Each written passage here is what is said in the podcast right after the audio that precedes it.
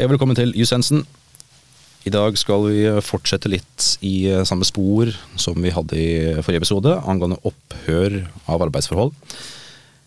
Forrige gang så var det oppsigelse. Denne gangen skal vi litt eh, hardere til verks, med en variant som kanskje er litt strengere, skumlere, jeg vet ikke helt hva man skal beskrive det som.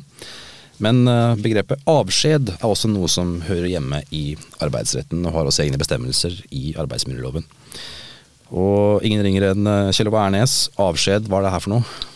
Avskjed er en umiddelbar avslutning av arbeidsforholdet. Mm. Altså arbeidsforholdet bringes nær sagt umiddelbart til opphør. Mm.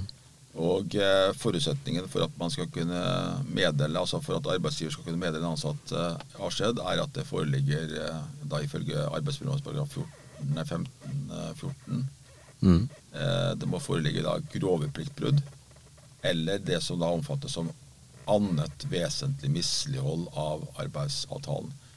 Og Da har vi allerede pekt på at dette dreier seg om de mest uh, altså alvorlige tilfellene. Ja. Altså Der er det snakk om uh, at det skal være grovt.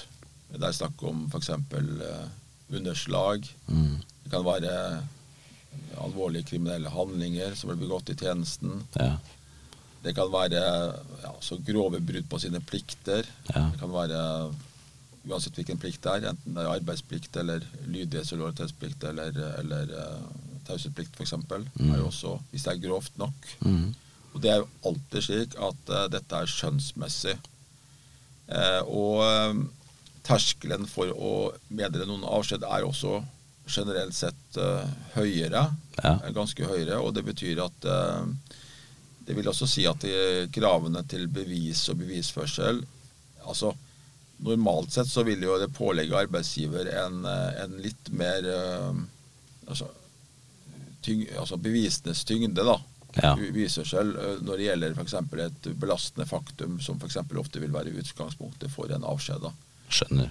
Eh, og, eh, og, det vil jo si at eh, en arbeidsgiver skal i hvert fall tenke seg godt om før man vurderer å bruke avskjed som virkemiddel. Mm.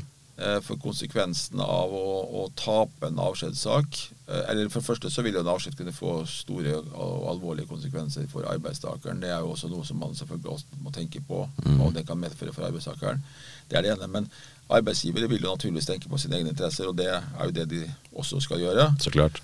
Eh, og, men å tape en avskjedssak vil få, kunne få svært store konsekvenser for en, for en virksomhet. Akkurat. Så her må man virkelig vite hva man driver med. Det kan komme et ganske klekkelig både erstatningskrav og oppreisningskrav i kjølvannet av noe slikt. Akkurat. Er det, er det vanlig med å Altså, jeg veit jo at det blir gjort, men jeg vil jo tro at oppsigelse er liksom den mest vanligste formen ved opphør. Altså Hvor ofte ja, er det skjer? Altså, det er mange arbeidsgiver Det eh, det det er, flere tilfeller av avskjed. Det er det ingen tvil om. at det, Dette brukes av arbeidsgivere når det er vilkårene, man er sikker på at vilkårene er oppfylt. Man ja. har jo selvfølgelig muligheter i arbeidsmiljøloven for å suspendere arbeidstakere mm. hvis man har mistanke om at vilkårene er oppfylt. og Det er jo en egen bestemmelse i arbeidsmiljøloven om det. Ja. 15-13 som handler om suspensjon. Mm. Da kan man midlertidig eh, ta en person ut av jobb mm. inntil saken er undersøkt eh, tilstrekkelig. Men eh, velger man å gå rett på avskjedssporet, så er det også en mulighet. Og fordelen med det er selvfølgelig at man får brakt arbeidsforholdet til opphør uh, umiddelbart. Ja. Og det vil si at arbeidsgivers lønnsplikt opphører også umiddelbart. Akkurat. Uh, og ja, det er, det er jo eh, Men som sagt, altså, det er eh, en arbeidsgiver som vurderer avskjed, skal være ganske sikker i sin sak. Ja, det er jo åpenbart. og Det er tydeligvis det som, det er det som skiller hele konseptet avskjed fra oppsigelse. Alvorlighetsgraden ja. og ja. dette her med det grovt, det grove pliktbruddet. Eh, vi har jo, du har gitt noen eksempler på nå hva, hva det kan være, f.eks. Og, og hva arbeidsgivere faktisk må, må tenke på. Um, er det noen sånne tommel, tommelfingerregler man kan gi til arbeidsgivere som man absolutt må huske på når det står i en sak hvor man vurderer om er det er avskjed eller skal vi gå en annen vei? Uh, ja, så det er jo Det man kan tenke er jo behovet for å få avslutte arbeidsforholdet med avskjed. Mm.